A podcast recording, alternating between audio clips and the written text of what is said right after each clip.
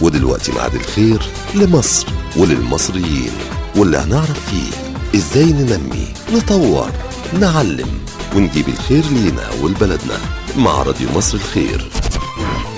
راديو مصر الخير مع نرمين البنبي وأحمد الموجي على 887 إف إم. راديو مصر الخير علشان مصر تفضل دايما في خير.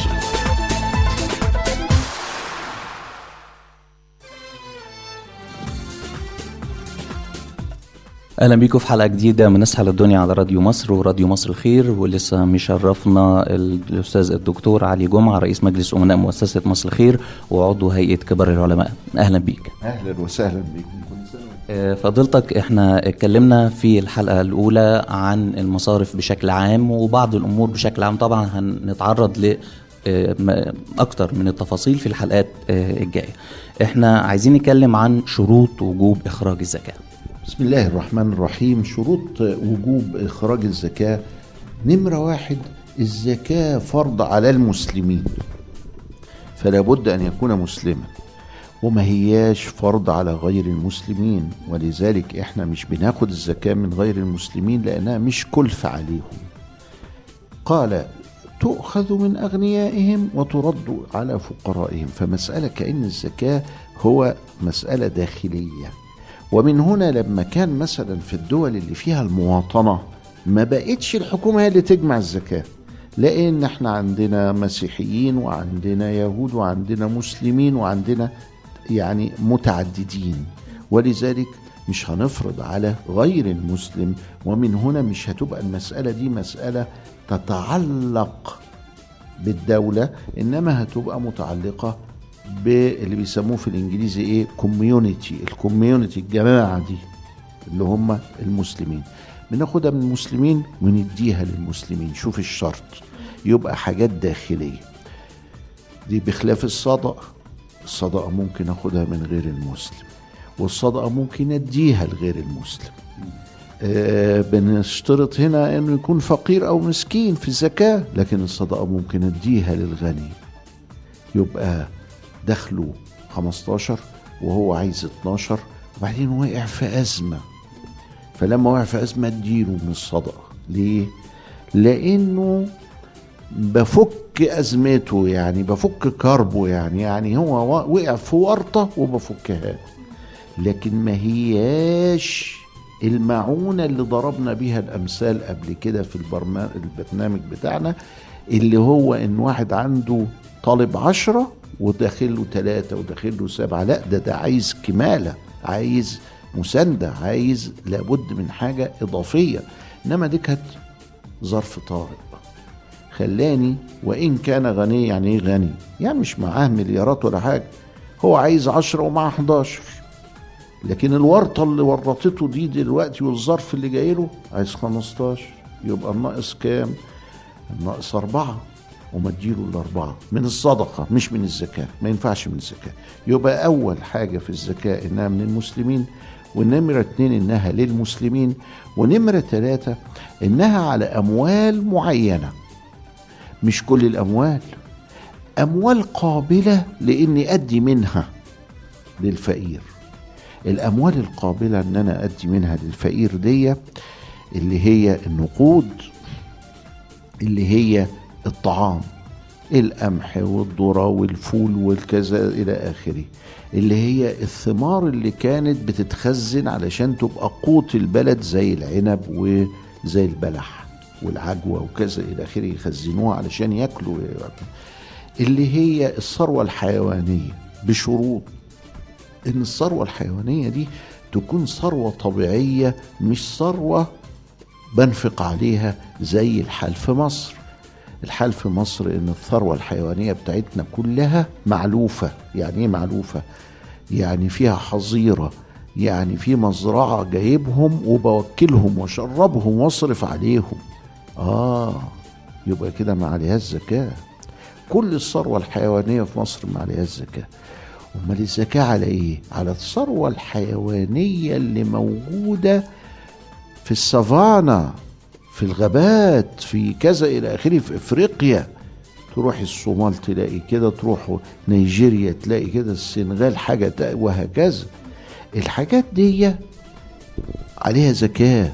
كام؟ كل 40 آه، خروف فيهم خروف واحد. واحد على 40 برضو زي النقدية نفسها واحد على 40 برضو 2.5% يبقى إذا أنا عندي الزروع عندي الثمار عندي الثروة الحيوانية سواء كانت خروف سواء كانت آه، بقر سواء كانت آه، جمال. وعندي النقدية وعندي التجارة النشاط التجاري. النشاط التجاري بطلع على في الميزانية حاجة عارفينها المحاسبين رأس المال العامل. أطلع عليه 2.5% على طول ما دمت أنا عندي دكان والدكان ده ببيع فيه واشتري شنط. أو قماش أو إسمنت أو أي حاجة يبقى إذا هطلع 2.5% على إيه بقى؟ على المخزون ولا على المدين ولا على الدائن ولا على رأس المال العامل. وأجيبه منين؟ على طول المحاسب بيديهوني بالتليفون. يقول لي راس مالك العامل النهارده كذا. إيه هو راس المال العامل ده؟ الفرق ما بين الأصول المتداولة والخصوم المتداولة. كل المصطلحات دي ما نشغلش بالنا بيها إنما المحاسب هيقول لي راس مالك العامل كذا أربعين ألف أطلع منهم ألف. أربعين مليون أطلع منهم مليون اللي هو واحد على أربعين يعني اتنين ونص في المية. هي هي. يبقى نمرة واحد إنه من المسلمين نمرة اتنين إنها للمسلمين نمرة تلاتة إنها في أموال مخصوصة نمرة أربعة إنها على المال مش على الأشخاص. افرض طفل أبوه مات فورث أربعين مليون يطلع مليون على طول وهو طفل لسه عنده شهرين يبقى لازم الولي بتاعه يطلع له لأنه ده على المال مش مش, مش على الإنسان. زكاة الإنسان هي زكاة الفطر اللي بنطلعها في رمضان. لكن غير كده زكاة المال دي متعلقة بالمال. النمرة اللي بعديها إنه يكون في سنة مضت وهي في ملكي. يعني افرض دلوقتي إن أنا ربنا رزقني في واحد محرم. رزقني بمئة ألف جنيه. فضلوا معايا لغاية 30 الحجة. يبقى كده فات عليهم سنة. يبقى عليهم 2.5% لماذا؟ لأن ال- ال- المبلغ ده في ذمتي لمدة سنة. الشرط الأخير إنه يكون أكتر من قيمة 85 جرام ذهب عيار 21 فعلى طول بنروح نشوف جرام الذهب النهارده بكام نضرب في 85 افرض مثلا يعني إنه ب 300 جنيه يبقى 300 في 85 300 في 85 يطلع 25000 ولا شوية يبقى هو ده. طب أنا معايا 12000 بس أديلهم سنة معيش عليهم زكاة. طب معايا 20000 مش عليهم زكاة. ابتداء من 25 يبقى عليهم زكاة. السؤال اللي بعده طيب أنا بديت السنة بعشرين ألف قبل ما يجي نهايتها بثلاث أربع أيام بقى معايا خمسة وعشرين ألف. الخمسة وعشرين ألف على طول. مش يعني الزيادة دي أستناها سنة لا. أدام جه عليك رأس السنة بتاعتك أنت أنا سنتي من واحد رمضان أنت سنتك من واحد شوال أنت سنتك من واحد آه، محرم أنت حر. كل واحد آه، بحق. أدام جه رأس السنة بتاعي أشوف الرصيد وأطلع عليه من غير حسابات إنه ده دخل إمتى وراح إمتى وده الناس يسألوه فيها كتير الحتة دي. يقول لي أيوه ده ده جالي إمبارح بس. أقول له أيوه ما خلاص أنت كده إمبارح أيوه هو ما قعدش معاك سنة لكن الرصيد بقى بعد السنة بقى الحد اللي إحنا بنخرج عليه. بتقرر انها تخرج الزكاة بت... يعني كل شهر نسبة نسبة من الفلوس الواجبة عليهم. هي واجب عليهم مئة ألف جنيه مثلا واجب عليه كل شهر بيدفع منها نسبة. ولا لازم نهاية العام يدفع الكل مرة واحدة؟ التقسيط مفيش بأس بيه. مفيش أي بأس. كويس. أنا في ذمتي لربنا مئة ألف هسجل في الدفتر بتاعي إن أنا في ذمتي لربنا مئة ألف. وبعدين كل شهر أطلع حاجة لأسرة فقيرة. أديهم تلات آلاف ودول 3000 ودول 2000 ودول كذا إلى آخره لغاية ما يخلص في آخر السنة. دي نمرة واحد نمرة اتنين واحد جه قال لي أنا عايز 300 ألف علشان بعمل عملية إنقاذ حياة نقل كبد. قلت له والله أنا زكاتي مئة ألف بس. فهل يجوز إن أنا أطلع مقدم؟ آه آه يجوز. بس سنتين بس. يبقى هطلع بتاع السنة دي ومعاه سنتين مقدم. طب ليه ما يجوز ثلاثة قال لأنه ممكن يغتني. ممكن اللي أنا بديهوله ده يبقى غني بعد كده.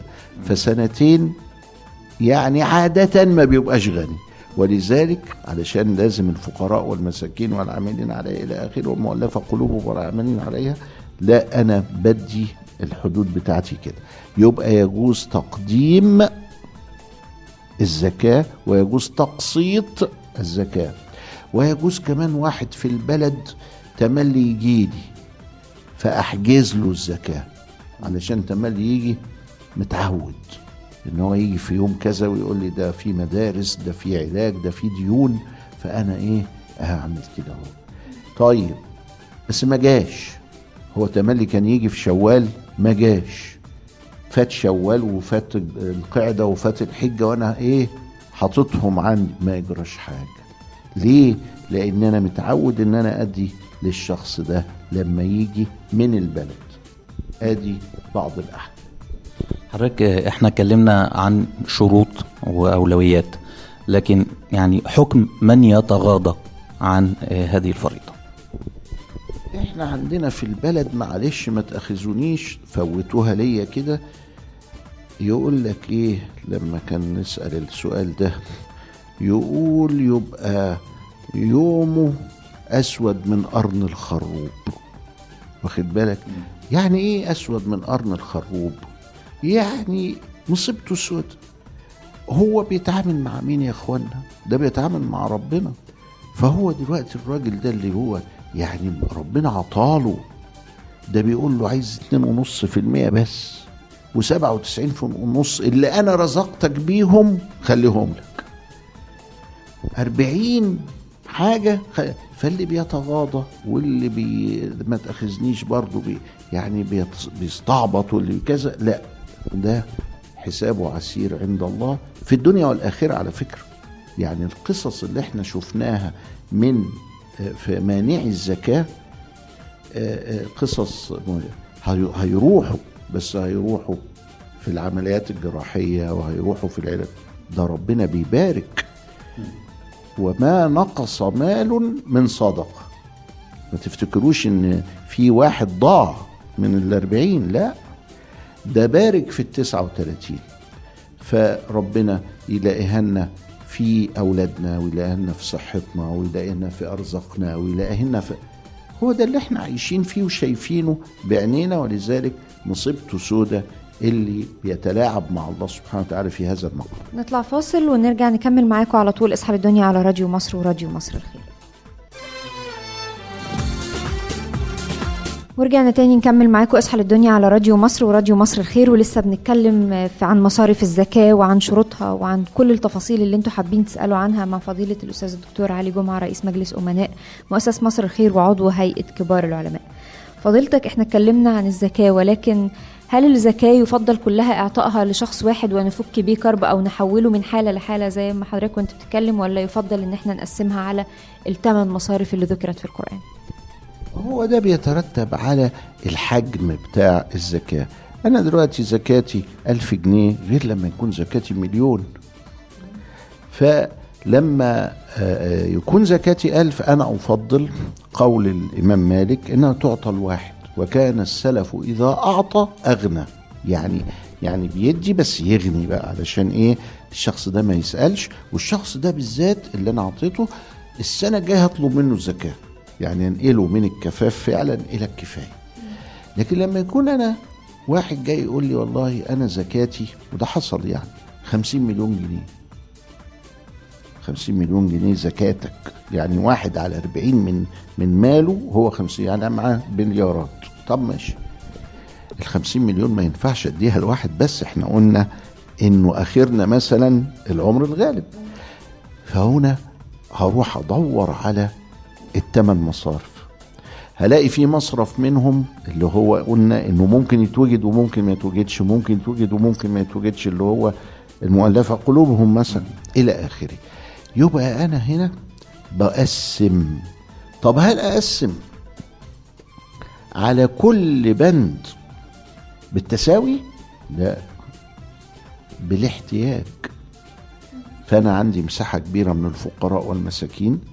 لكن بالنسبة للغارمين أقل شوية لكن بالنسبة لابن السبيل أقل وأقل لكن بالنسبة لكذا فحسب الاحتياج. يعني الزكاة معمولة من أجل درء الاحتياج فده جائز وده جائز وده جائز وكل حاجة بحسبها وفي وقتها. الغاية فيها أن تقوم الزكاة بمهمتها الاجتماعية ومهمتها الدينية ومهمتها الإنسانية ومهمتها الاقتصادية. أدي الغاية كده. لكن يجوز إن إحنا نوزع على الكل ويجوز إن إحنا نختص بيها بند معين ويجوز إن ما يكونش فيه تساوي في في الكذا ويجوز إنه يبقى فيه تساوي ويجوز إن تسقط مني لأنه مش موجود هذا الصنف. في عهد عمر بن عبد العزيز فقدوا الفقراء والمساكين. ما فيش حد فقير في البلد كله بقى غني.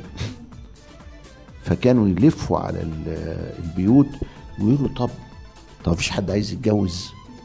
طب ما حدش طب عايز يعمل مشروع؟ طب كذا؟ قالوا لا. كلنا عندنا الحمد لله وكانت الناس بتشتغل والناس آه، اتفتحت عليها الدنيا كلها لدرجة إن الفقراء والمساكين ما بقوش موجودين. يبقى اذا الثمان بنود دول ممكن في مكاني ما يبقاش موجودين. وفي بلاد دلوقتي غنية جدا. أروح أقول أروح آه، أدي للفقراء والمساكين قال لي ما عنديش فقراء ومساكين قلت له خلاص انقلها للبلاد اللي جنبك. وهكذا. يعني عايز أقول إن إحنا نتعامل مع الثمانيه بما يحقق أهداف الزكاة الاقتصادية الاجتماعية الدينية الإنسانية كل ده وبالشروط ال- ومن غير الترتيب. يعني لأن الترتيب ده ذكره الله سبحانه وتعالى مش لتفضيل بند على بند وإنما هو كدائرة واحدة. حيث ما نكون في المحيط حطينا إيدينا في أي نقطة هي البداية والنهاية. هي بداية الدايرة ونهاية الدايرة أي نقطة فيها. يبقى اذا ال- الإجابة على ده السؤال. بنشكر فضيلة الدكتور علي جمعة رئيس مجلس أمناء مؤسسة مصر الخير عضو هيئة كبار العلماء في حوارنا مع فضيلته عن مصارف الزكاة.